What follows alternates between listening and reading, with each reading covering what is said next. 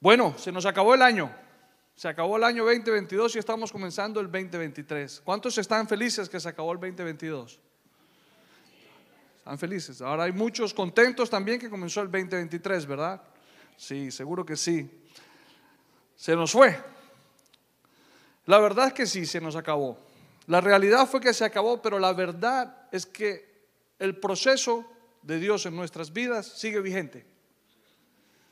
Es el mismo del año pasado a este año. Eso no ha cambiado. Así que yo quiero animarles en esta mañana a que vivamos el proceso de Dios con integridad en este año 2023.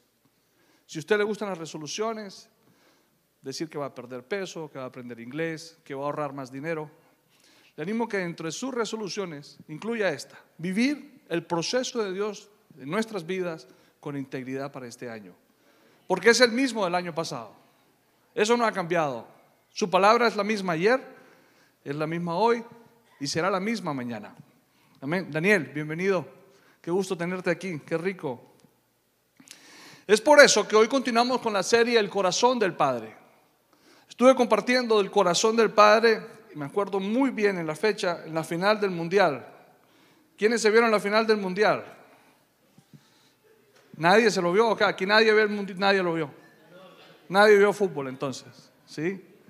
¿Quiénes se vieron la final del mundial aquí en el servicio? Hay tres, cuatro valientes que levantaron la mano. Qué bien. Los que se la vieron en casa. ¿Quiénes están felices con la final del mundial? Increíble, ¿ah? Eso sí. Bueno, como ese día yo estuve compartiendo acerca del tema y podía notar lo difícil lo distraídos que estábamos todos con ese partido tan emocionante. Hoy vamos a hablar del mismo tema otra vez. Vamos a retomar este tema. Quiero empezar con algo, tres palabras, cristianos, creyentes y discípulos. Yo lo he dicho antes, lo he hablado antes. Cristianos muchos, quizás todos los que estamos aquí. Ser cristiano hoy en día se volvió de moda. Lo dije antes en una ocasión, para conseguir empleo tú colocas en, eh, tu currículum, en tu hoja de vida que eres cristiano. ¿Quieres conseguir novio, novia, esposo, esposa? Soy cristiano. Pero se ha abusado tanto del término que aquellos que recomiendan a otros para un trabajo o para una entrevista y dicen es cristiano, ya la otra persona lo piensa dos veces. Ahora, creyentes, yo creo que hay un número importante de creyentes en la tierra. Discípulos, yo no sabría decirles, pero sé que Dios sí sabe. ¿Cuál es la diferencia entre un creyente y un cristiano? Y un creyente y un discípulo, perdón. Yo lo resumí en una frase muy sencilla para aquellos que les gustan las frases. El creyente busca en la palabra promesas para su vida. El discípulo busca vida en la palabra para cumplir sus promesas. Esa es la diferencia. Los discípulos buscamos vida. Yo les animo a que nos convertamos todos en discípulos. Buscamos la vida que hay en las promesas. Buscamos vivir el Evangelio. No solo aprenderlo, no solo saberlo de memoria, no solo citar las palabras, sino vivirlo. Ahora todos somos creyentes, todos necesitamos creer en Dios. Todos aquí necesitamos alimentar nuestra fe. Todos necesitamos ver milagros, todos necesitamos escuchar el testimonio de otros. Todos. Necesitamos historias bíblicas que nos motiven muchas veces en nuestros días más difíciles. Pero también me atrevo a decir que desafortunadamente, sin darnos cuenta, nos hemos vuelto consumidores de prédicas y consumidores de frases motivacionales. Y tenemos aplicaciones en los teléfonos en donde estamos leyendo las frases que más nos gustan y las copiamos y las pegamos en nuestras redes sociales. Y se las compartimos a todos nuestros amigos y a todos nuestros familiares. Mira, escuché esta frase, me gusta muchísimo. Escuché esta prédica de Dante Gebel. Escuché esta prédica de Tim Ross. nombres y predicadores y las compartimos. Pero la pregunta que yo me hago y que quiero hacerles a ustedes, porque hoy tengo muchas preguntas, es qué tanto estamos viviendo de esas prédicas o de esas frases de las cuales nos hemos vuelto consumidores. Siempre me ha gustado colocarle título a las prédicas y en una reunión que tuvimos con el grupo, les pregunté de este año qué prédica se acuerdan ustedes que les haya gustado y se acordaron de varias y me daban los títulos. Y yo me acordé de varias también que me gustaron mucho y yo copié los títulos y los que, las que a mí me gustaron. Cuando iba camino a casa, Dios me habló y me dijo, hoy en día mis prédicas son como las canciones. La palabra mía se vuelven como las canciones. Las recordamos por los títulos. Pero ¿qué tanto estamos viviendo esa palabra? No nos damos cuenta realmente que el verdadero enfoque por el cual hemos aceptado a Cristo en nuestra vida, hemos aceptado a Cristo como nuestro Señor y Salvador es la vida misma, porque queremos vivir mejor, porque queremos vivir en realidad. Jesús dijo a sus discípulos en Juan 14, 6, dijo, yo soy el camino, la verdad y la vida. Yo soy el camino para aquellos que hemos estado perdidos, sin rumbo. Él dijo, yo soy el camino. Yo soy la verdad para aquellos que hemos estado viviendo una mentira por mucho tiempo, autoengañándonos, excusándonos, culpando a otros. Jesús dijo, yo soy la verdad. Y dijo, y yo soy la vida. Y eso es lo que yo quiero que nos enfoquemos. Vamos a vivir este Evangelio. Quiero animarles a que vivamos este Evangelio. Jesús dijo a la gente que creyó en Él, esto está en Juan 8:31, ustedes son verdaderamente mis discípulos si se mantienen fieles a mis enseñanzas. Ahí está. Por favor, no lo quiten, déjenlo ahí. Ahora, en base a esto, quiero hacerles otra pregunta. ¿Cómo vemos nosotros a Dios cuando pensamos en Dios? Para los que están en casa, ¿cómo se imaginan a Dios cuando oran a Dios? No me tienen que responder, pero sí les animo a que lo piensen ahí donde están. Cuando oramos a Dios, cuando pienso en Él, cuando me lo imagino, ¿cómo, cómo, cómo llega a nuestra mente? ¿Cómo llega aquí arriba? ¿Cómo llega a nuestro corazón? Tome su tiempo, ahí donde está, 10 segundos, y sea honesto. Sea honesto consigo mismo. ¿Por qué les hago énfasis en que respondan con verdad? Porque la palabra dice enseguida en Juan 8:32, dice, y conocerán la verdad, y la verdad los hará libres. Entonces les pregunto otra vez, vuelvo a la pregunta, ¿cómo vemos nosotros a Dios? ¿Cuál es la verdad de cómo vemos a Dios? ¿Como el Dios poderoso? ¿Como el Dios omnipresente? ¿Como el Dios omnisciente? ¿Cuál es la verdad de cómo vemos a Dios? La verdad está diseñada para hacernos libres. Allá afuera dice que la verdad incomoda, la verdad duele, gracias. En Barranquilla dicen de otra manera, dicen que la verdad arde. Eso, eso está feo. Prefiero duele. Dicen que la verdad duele. De pronto duele. Pero con el propósito de hacernos libres. La verdad está diseñada para hacernos libres. La verdad nos va a confrontar. Nos va a incomodar. La verdad nos va a hacer libres. Seamos honestos. Vivamos la verdad que nos enseña el Evangelio. Vivamos con integridad. Quería decir esa palabra. Vivamos con integridad este Evangelio. Hablaba con los pastores y les decía, por lo general hay cuatro frentes que manejamos todos en nuestra vida, por lo general. Y voy a generalizar. El frente que manejamos, el de la familia, que tienen que ver con los hijos, la esposa, los hijos, el del matrimonio, y los dividí, les voy a decir por qué, porque la palabra dice que dejaremos a padre y madre, pero también nuestros hijos nos van a dejar y yo me voy a quedar con mi esposa. Entonces el del matrimonio es otro frente que se vive. El frente empresarial o laboral y este frente del Evangelio.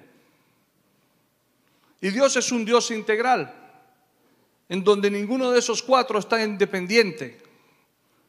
La bendición de Dios es integral y abarca todos esos frentes, pero nos comportamos diferentes en la familia a como nos comportamos en el trabajo.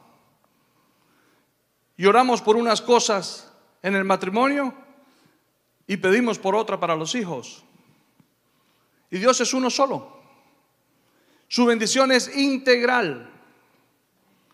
Por eso quería decir, vivamos con integridad. Usted quiere saber, para los que van a compartir en los 21 días de ayuno, usted quiere saber cuál es la palabra que usted va a compartir aquí, si usted está en la lista de las personas que van a compartir. Mire qué está trabajando Dios en su vida. ¿Qué proceso de Dios está usted viviendo en este momento? Porque eso, que Dios está trabajando en su corazón, en su vida, afecta a esos cuatro frentes. Y si usted mira en esos cuatro frentes, incluye la palabra, incluye la, la iglesia, lo que Dios quiere compartir. Lo que Dios esté trabajando en tu vida va a afectar los cuatro frentes que tú tienes, que tú lideras. No es posible que Dios esté procesando algo en tu vida que no tenga nada que ver con, a nivel de, pareja, que no tenga nada que ver con tus hijos. Los va a afectar a ellos. Lo que Dios esté procesando en tu pareja va a afectar tus negocios o tu empleo. Y lógicamente va a afectar tu vida en el ministerio. Entonces Dios es un Dios integral. Vivamos con integridad. Hemos aprendido que Dios es un Dios omnipresente porque está en todas partes. Rápidamente lo voy a leer en Jeremías 23, 24. Dice, ¿puede alguien esconderse de mí en algún lugar secreto? ¿Acaso no estoy en todas partes, en los cielos y en la tierra? Dice el Señor. Es un Dios omnipresente, un, Dios omnisciente porque todo lo sabe. Hebreos 4 del 12 al 13 dice, pues la palabra de Dios es viva y poderosa, es más cortante que cualquier espada de dos filos. Penetra y entra el alma y el espíritu penetra entre el alma y el espíritu, entre la articulación y la médula del hueso, deja al descubierto nuestros pensamientos y deseos más íntimos. No hay nada en la creación que esté oculto a Dios. Todo está desnudo y expuesto ante sus ojos. Y es a Él a quien rendimos cuentas. Todo lo sabe. No hay nada escondido. Es un Dios omnipotente porque todo lo puede. Esto lo dijo David, dijo, jamás podré podría escaparme de tu espíritu, jamás podría huir de tu presencia. Si subo al cielo, allí estás tú. Si desciendo a la tumba, allí estás tú. Si cabalgo sobre las alas de la mañana, si habito junto a los océanos más lejanos, aún allí me guiará tu mano y me sostendrá tu fuerza. Todo lo puede, pero Lucas 1.37, un versículo bien corto dice, porque no hay nada imposible para Dios. Y nada significa lo mismo aquí en Estados Unidos que en la China. Nada.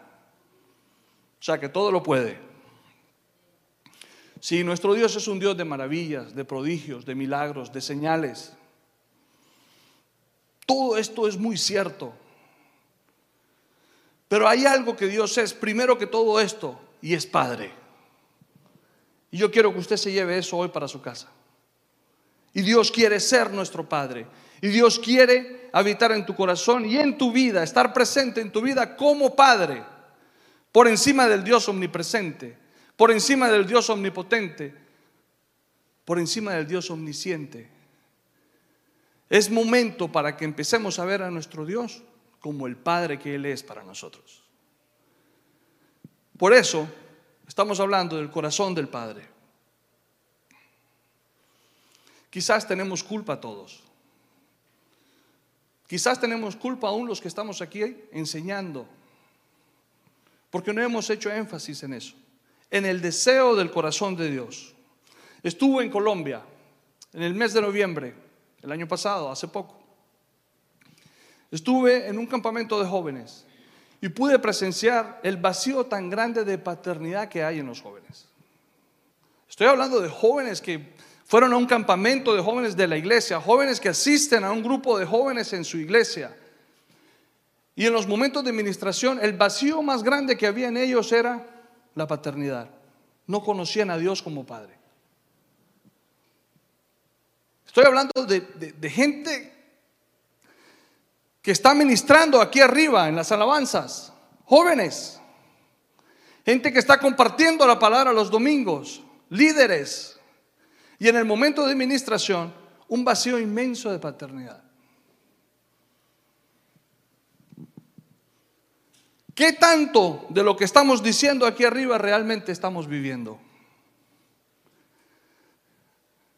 Ese es el reto que tengo yo para este año. Ese es el reto que le he puesto al grupo de liderazgo de esta iglesia en la mesa y lo he compartido con ellos. ¿Qué tanto realmente estamos hablando, estamos viviendo de todo lo que estamos hablando? ¿Qué tanta autoridad hay en esto que estamos predicando? ¿Qué tanta verdad hay? Cuando yo noto este vacío en los jóvenes, yo le pregunto, Señor, ¿qué está pasando? Y eso fue lo que el Señor me habló. Aún aquellos que he llamado a servir y a predicar tienen vacío de paternidad. Entonces, nos subimos aquí arriba a compartir una palabra, como si estuviéramos en un salón de clases, y damos una enseñanza pero no estamos ministrando una verdad. Entonces, nuestra ausencia de padre la ministramos a los demás. Por eso es importante, para empezar este año, que arranquemos sobre el fundamento del corazón del Padre, de lo que hay en el corazón de nuestro Dios. Él quiere ser nuestro Padre, nos ha llamado hijos. Nosotros somos sus hijos. ¿Usted quiere saber que de los hijos, quiere saber algo? De los hijos es la herencia. Si Dios tiene herencia para ti, entonces eres hijo de Dios. Diga conmigo, yo soy hijo de Dios. Diga conmigo, Dios es mi Padre. Usted tiene herencia. Y lo más lindo en Dios y para los hijos de Dios es que esta herencia se nos entrega en vida. Amén. Los veo muy serios. Yo solamente estoy trayendo buenas noticias. Amén. Quizás decimos que Dios es nuestro Padre. Quizás hablamos y lo, decimos entre hermanos, aquí en la familia, en la comunidad, en casa, pero ¿qué tanto de eso realmente vivimos? Si, vamos a ser honestos con nosotros mismos, no podemos, a ver, no podemos pretender ser honestos con los demás o más honestos con los demás de lo que realmente somos con nosotros mismos. Porque cuando queremos ser honestos con los demás y les queremos decir las cosas como son, rayamos en el atrevimiento porque no hemos sido honestos con nosotros mismos. Y por eso a veces las formas golpean. ¿Qué tanto realmente vivimos esa frase, Dios es mi Padre? Hay una sola forma, les voy a decir, en que podemos recibir a Dios como nuestro Padre y es a través de Jesús. Les voy a decir algo, la paternidad no la puede dar el Padre voy a decir de otra manera. La paternidad es ministrada a través del Hijo. Quien enseñó paternidad en la tierra fue Jesús, el Hijo. Entonces, para poder recibir esa paternidad nos es necesario, es necesario que se nos revele el Espíritu del Hijo, Jesús en nuestras vidas. Eso hace algo completamente diferente. Porque culturalmente se nos ha enseñado que la figura del padre es la de un hombre. Es cultural en todo el mundo. Y creemos entonces que vamos a que padre nos tiene que dar la paternidad cuando nosotros los hijos debemos ir a buscar al padre. Es más, ustedes van a saber que yo soy padre el día que ustedes vean a quién? A mis hijos. Entonces, ¿quién evidencia al padre son los hijos. Quien evidenció al Padre que está en el cielo, aquí en la tierra fue Jesús. ¿Estamos claros? Entonces, a través del Espíritu del Hijo, el Padre se nos es revelado. Amén. ¿Qué dijo Jesús acerca del Padre? Juan 6:37. Sin embargo, los que el Padre me ha dado, está hablando del Padre, quiero que piensen en esta palabra. Sin embargo, los que el Padre me, me ha dado vendrán a mí y jamás los rechazaré. Pues he descendido del cielo para hacer la voluntad de Dios, quien me envió, no para hacer mi propia voluntad. Y la voluntad de Dios es que yo no pierda ni a un solo de todos los que Él me dio, sino que los resucite en el día final. Pues la voluntad de mi Padre es que todos los que vean a su Hijo y crean en Él tengan vida eterna y yo los resucitaré en el día final. Esa es la voluntad del Padre. ¿Quién habló eso en la tierra? Jesús. ¿Quién enseñó eso? Jesús. ¿Quién ministró eso? Jesús. ¿Quién impartió esa verdad aquí en la tierra? Jesús. ¿Por qué él pudo impartir esa verdad? Porque él la estaba viviendo. Jesús pudo impartir la verdad de la paternidad aquí en la tierra y existe y es vigente hasta el día de hoy porque Él vivió ese proceso. Él vivió el proceso de ser un hijo que hace la voluntad de su padre aquí en la tierra y por eso pudo ministrar paternidad. Él no vino a enseñar paternidad, Él ministró paternidad. Por la autoridad del proceso que Él estaba viviendo en ese momento. Él siempre se aseguró de hablar de su Padre y de su voluntad para con Él y para con todos. Dice esto en Juan 5:19. Entonces Jesús explicó, les digo la verdad, el Hijo no puede hacer nada por su propia cuenta. Solo hace lo que ve que el Padre hace. Todo lo que hace el Padre, también lo hace el Hijo. Y si nos vamos enseguida al 35, dice, Juan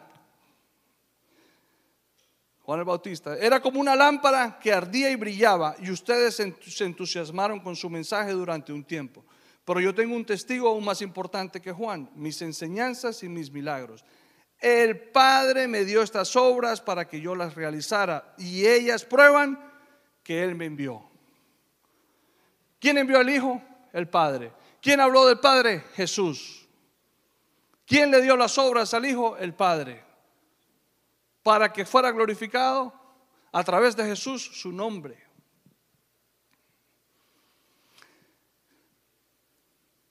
Aún a aquellos, a los escribas, ¿quiénes eran los escribas en la palabra? Los escribas eran maestros del pueblo, interpretaban la ley, eran ampliamente respetados por toda la comunidad debido al conocimiento que veían ellos acerca de la palabra. Estoy hablando de los escribas y su dedicación a esto, a esta tarea pero también por su apariencia externa de guardar la ley. apariencia externa de guardar la ley.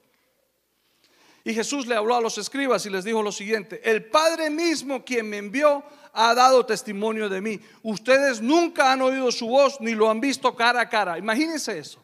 Ustedes nunca han oído su voz ni lo han visto cara a cara. Y estas personas eran aquellos que interpretaban la ley. dice que enseñaban la ley. Y eso era todo lo que hacían. ¿Por qué no podían ellos hablar del Padre? ¿Por qué los escribas no podían hablar del Padre? Porque ellos no eran hijos. Solamente estudiaban, interpretaban y enseñaban la ley. Y demostraban un gran conocimiento. Pero no podían ministrar paternidad. Porque no lo conocían. Si lo dejas, por favor, Oscarito. Porque no lo conocían, porque no habían visto a Dios como Padre cara a cara. Eso se lo dijo Jesús a los escribas. Nunca han oído su voz ni lo han visto cara a cara. No escuchaban de Dios. Próximo domingo vamos a hablar de eso y no tienen su mensaje en el corazón porque no creen en mí. ¿En quién? En el Hijo. Como no creen en el Hijo, no pueden conocer al Padre. Y no creen en mí, que soy a quien el Padre les ha enviado. Vamos a construir diferente en este año. Vamos a construir en base sobre el fundamento del corazón del Padre. Vamos a empezar a ver a Dios como nuestro Padre a través de Jesús. A través de Jesús. A través de Jesús. El pastor Alejandro, les animo a que vengan al primer servicio. ¿Qué palabra tiene este hombre? Estuvo compartiendo en esta mañana. No hay nada que nosotros podamos hacer. No hay manera que nosotros podamos sumar en puntos nuestra salvación. No hay nada que se nos pueda ocurrir para nosotros poder ganar en esto. Solamente a través de Jesús. Solamente a través de su gracia. Favor y merecido. No, lo, no hemos hecho nada para merecerlo. Pero a través de su gracia, a través de Jesús, vamos a vivir apoyados, fundamentados en el corazón de un Padre. Dios quiere ser más que omnipotente para ti. Dios quiere ser más que omnipresente para ti. Dios quiere ser más que omnisciente para ti. Dios quiere ser más que el Dios de los milagros para ti. Él quiere que, Él quiere que tú lo veas como su Padre. Dios quiere ser nuestro Padre. Ese es el gran misterio del corazón de Dios. Que podamos ser sus hijos. Él nos da herencia sin nosotros haber hecho nada.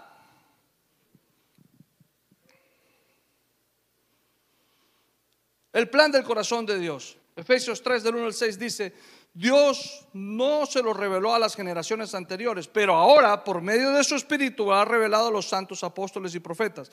Y el plan de Dios consiste en lo siguiente, tanto los judíos como los gentiles, tanto los de Israel como todos nosotros que estamos aquí presentes, que creen en la buena noticia, gozan por igual de las riquezas heredadas por los hijos de los Dios, de los, por los hijos de Dios, las riquezas heredadas por los hijos de Dios. Ambos pueblos forman parte del mismo cuerpo y ambos disfrutan de la promesa de las bendiciones porque pertenecen a Cristo Jesús. No se dejen distraer por la palabra riquezas, que yo sé que eso es lo primero que nos acordamos. Oh, las riquezas. Pensemos en el Padre a través de Cristo Jesús. El Espíritu del Hijo hace toda la diferencia. El Espíritu del Hijo lo cambia, lo transforma todo. Lucas 10, 22 dice, mi Padre me ha confiado todo.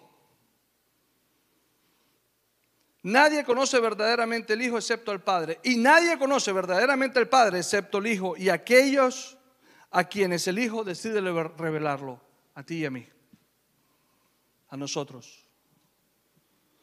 Nosotros vamos a conocer al Padre. Nosotros, miren, hay, mucho, hay muchas necesidades en esta vida, pero la necesidad número uno que tenemos es conocer al Padre. Hay muchas necesidades, hay Quizás hay escasez económica, quizás hay soledad, quizás hay depresión, quizás hay enfermedad. Quizás hay una situación legal muy difícil, quizás hay una situación en pareja completamente destruida. Pero todas esas necesidades necesitan de un Padre. Se solventan a través del corazón del Padre. El Padre tiene provisión para sus hijos. Dice que hay riquezas, que hay herencia, que hay heredad, que hay promesas. ¿Para quién? Para sus hijos. ¿Quiénes son los hijos de Dios? Los que lo pueden ver cara a cara a través de Jesús. No como los escribas, no los que se saben la palabra. Son los que lo pueden ver cara a cara y decir, Señor, fallé. Señor, me equivoqué. Señor, He estado escondiendo esto por mucho tiempo, no lo quiero esconder más. Señor, he estado luchando con esto en mi vida, no quiero, no quiero luchar más con esto, te lo entrego, te lo presento. Aquí delante de ti estoy, Señor, lo rindo delante de ti. Señor, no puedo con esta carga en mi conciencia, lo he disfrazado, lo he excusado, he encontrado las mejores formas de poder explicarlo. Quizás ya entiendo por qué me está pasando, pero eso no me excusa, Señor, de la falla. Y vengo delante de ti con integridad, con valentía con honestidad. Y te presento esta verdad para que seas tú mi Padre, porque te quiero conocer cara a cara. Esa es la oración que necesitamos hacer. Esa es la oración que transforma nuestras vidas. Es estudiar la palabra y sabérmela de memoria no va a transformar mi vida si yo no la vivo. Y si usted está pensando, ay, me hubiera gustado que hubiera venido Pepito, que él era el que necesitaba escuchar esto, déjeme decirle que si Pepito no está aquí es porque es para usted.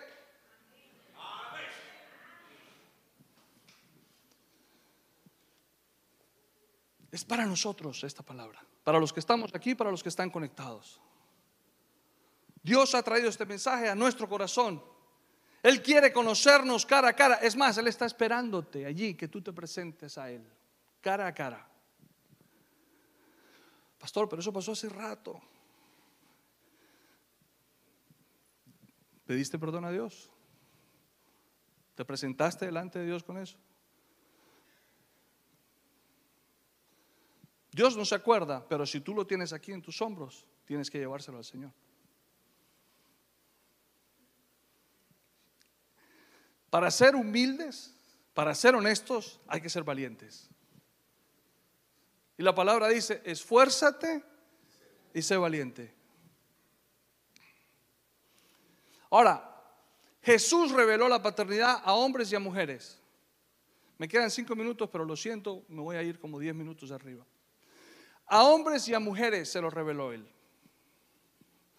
Y vuelvo otra vez a la cultura. Culturalmente nos han enseñado que el Padre, la figura del Padre siempre va a ser un hombre, a través de un hombre, que la, la debemos o la podemos recibir a través de la impartición de un hombre. Oigamos muy bien esto que voy a decir, no se me deje, no se me descuide.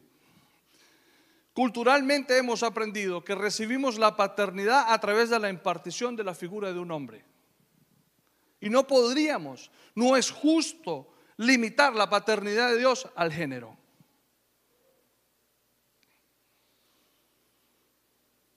¿Qué pasa entonces con las madres solteras?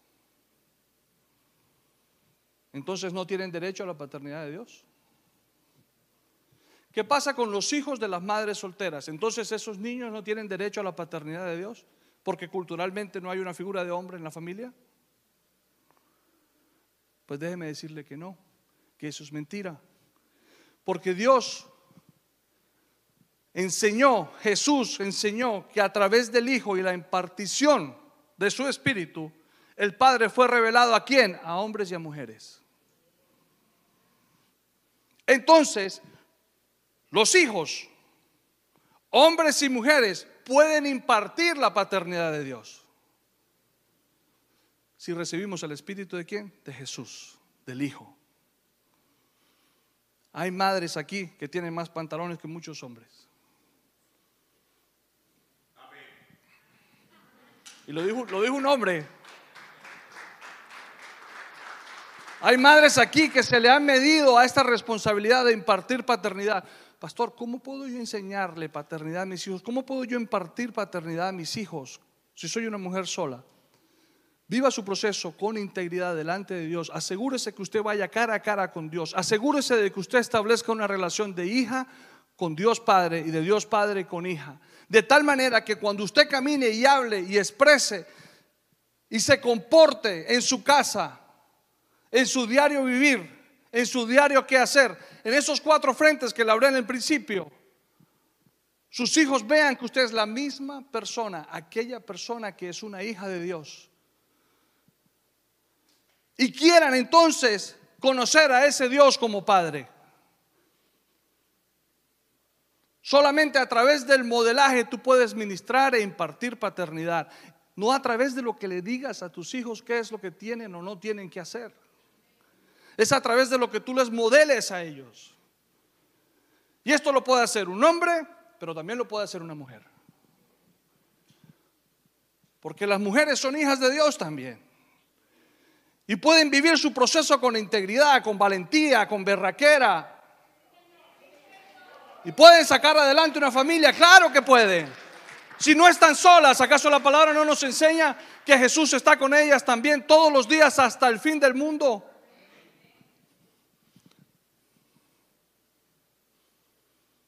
Las mujeres pueden ministrar paternidad. Claro que sí, a través del modelaje, modelarle a sus hijos su relación con el Padre. Ahora, oh, aquí me metí en un lío, pero de aquí me va a sacar el Señor. Oh, Hay matrimonios en donde el papá no hace la función. Hay matrimonios donde la figura de hombre no hace la función de padre. Pero esos muchachos no son menos desafortunados porque si hay una mujer con pantalones, con berraquera, con ganas de vivir este proceso con integridad, con honestidad, con verdad, que no se esconde ante sus fallas, que sabe pedir perdón y reconocer delante de sus hijos sus fallas y sus errores, que habla de Dios como su Padre primeramente y no como el Dios Todopoderoso o el Dios de los milagros, que vive todo aquello que les pide a sus hijos y les enseña a través de la palabra, pero que también lo vive y lo modela. Esta mujer está enseñando paternidad en casa y esos muchachos no son desafortunados.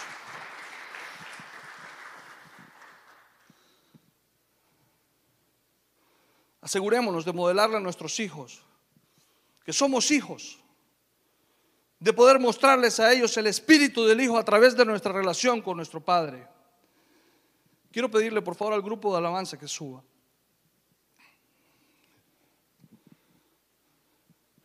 Romanos 8, 28 dice lo siguiente. Y sabemos que Dios hace que todas las cosas cooperen para el bien de quienes lo aman y son llamados según el propósito que Él tiene para con ellos. Dejémoslo ahí, por favor, para que todos lo puedan leer.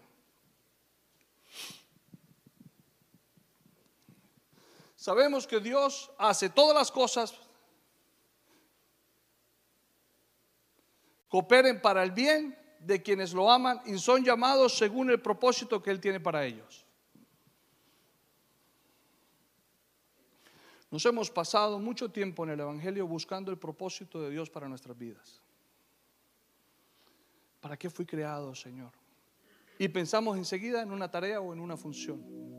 Para orar en público, para hacer números, para hacer negocios, para trabajar en la política, para trabajar en las empresas, para ser madre, para ser padre.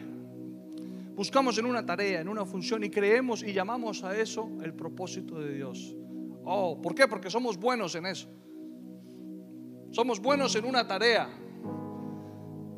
Y el propósito de Dios no tiene nada que ver con una función o con una tarea. Tiene que ver contigo como ser humano tiene que ver contigo como persona, tiene que ver con poder desarrollar el carácter de Cristo en nosotros. Oh. El propósito de Dios tiene que ver con que podamos desarrollar el carácter de Cristo en nuestras vidas.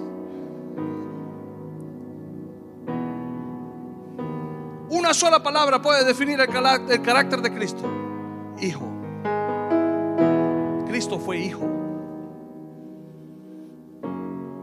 Y si leemos todos los versículos y nos recordamos de lo que acabamos de leer, Jesús dice que Él no hacía su voluntad, sino la voluntad de quién? De su Padre. Entonces el propósito de Dios, según la palabra, también me ha enseñado a mí que hemos sido creados con el propósito de adorarle. Y para adorarle a Dios, necesitamos desarrollar el carácter de Cristo. Y para desarrollar el carácter de Cristo en nuestras vidas necesitamos hacer la voluntad del Padre. Y para hacer la voluntad del Padre yo necesito morir todos los días. Todos los días yo necesito morir. Si yo quiero desarrollar el carácter de hijo. Si yo quiero conocer a Padre, a mi Dios como Padre, cara a cara, yo tengo que venir delante de Él y rendir mi agenda, rendir mi plan, rendir mi temor, rendir mi angustia, mi ansiedad, mi depresión.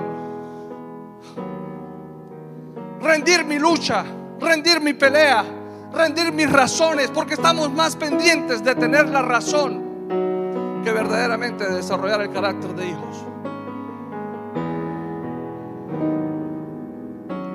Hablaba con alguien y me enseñó esto. Los principios que están en la palabra son para vivirlos, no para defenderlos. Los principios en la palabra están para ayudar a desarrollar el carácter de Cristo de acuerdo a la necesidad de cada uno de nosotros en el proceso. Los puedes atacar todo lo que tú quieras. Te puedes poner en contra de ellos todo lo que tú quieras. Los puedes criticar, los puedes juzgar. Te puedes burlar de ellos si tú quieres. Pero el principio nunca va a dejar de ser. Ahí estará esperándote. Al principio no le importa si tú tienes o no tienes la razón. El principio opera para desarrollar carácter de hijos. Vivamos este evangelio con la verdad, con Cristo.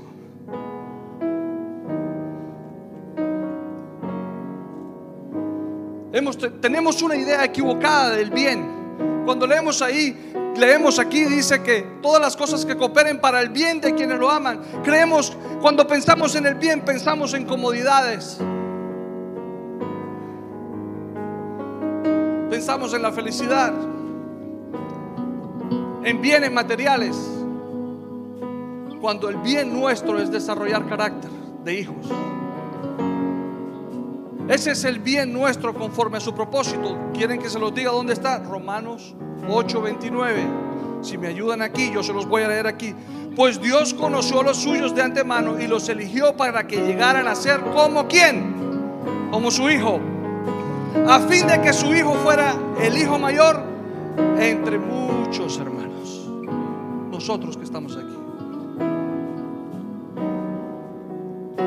El propósito de Dios es que seamos hijos, hermanos de Cristo, siendo Cristo el mayor de todos nosotros. Por favor, coloquémonos de pie, vamos a cerrar. Tú que estás en casa.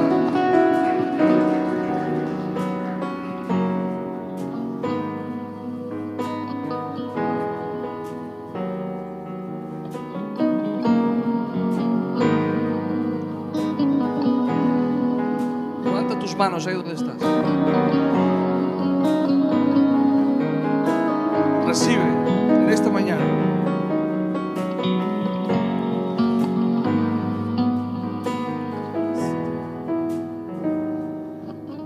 Quiero que escuche atentamente.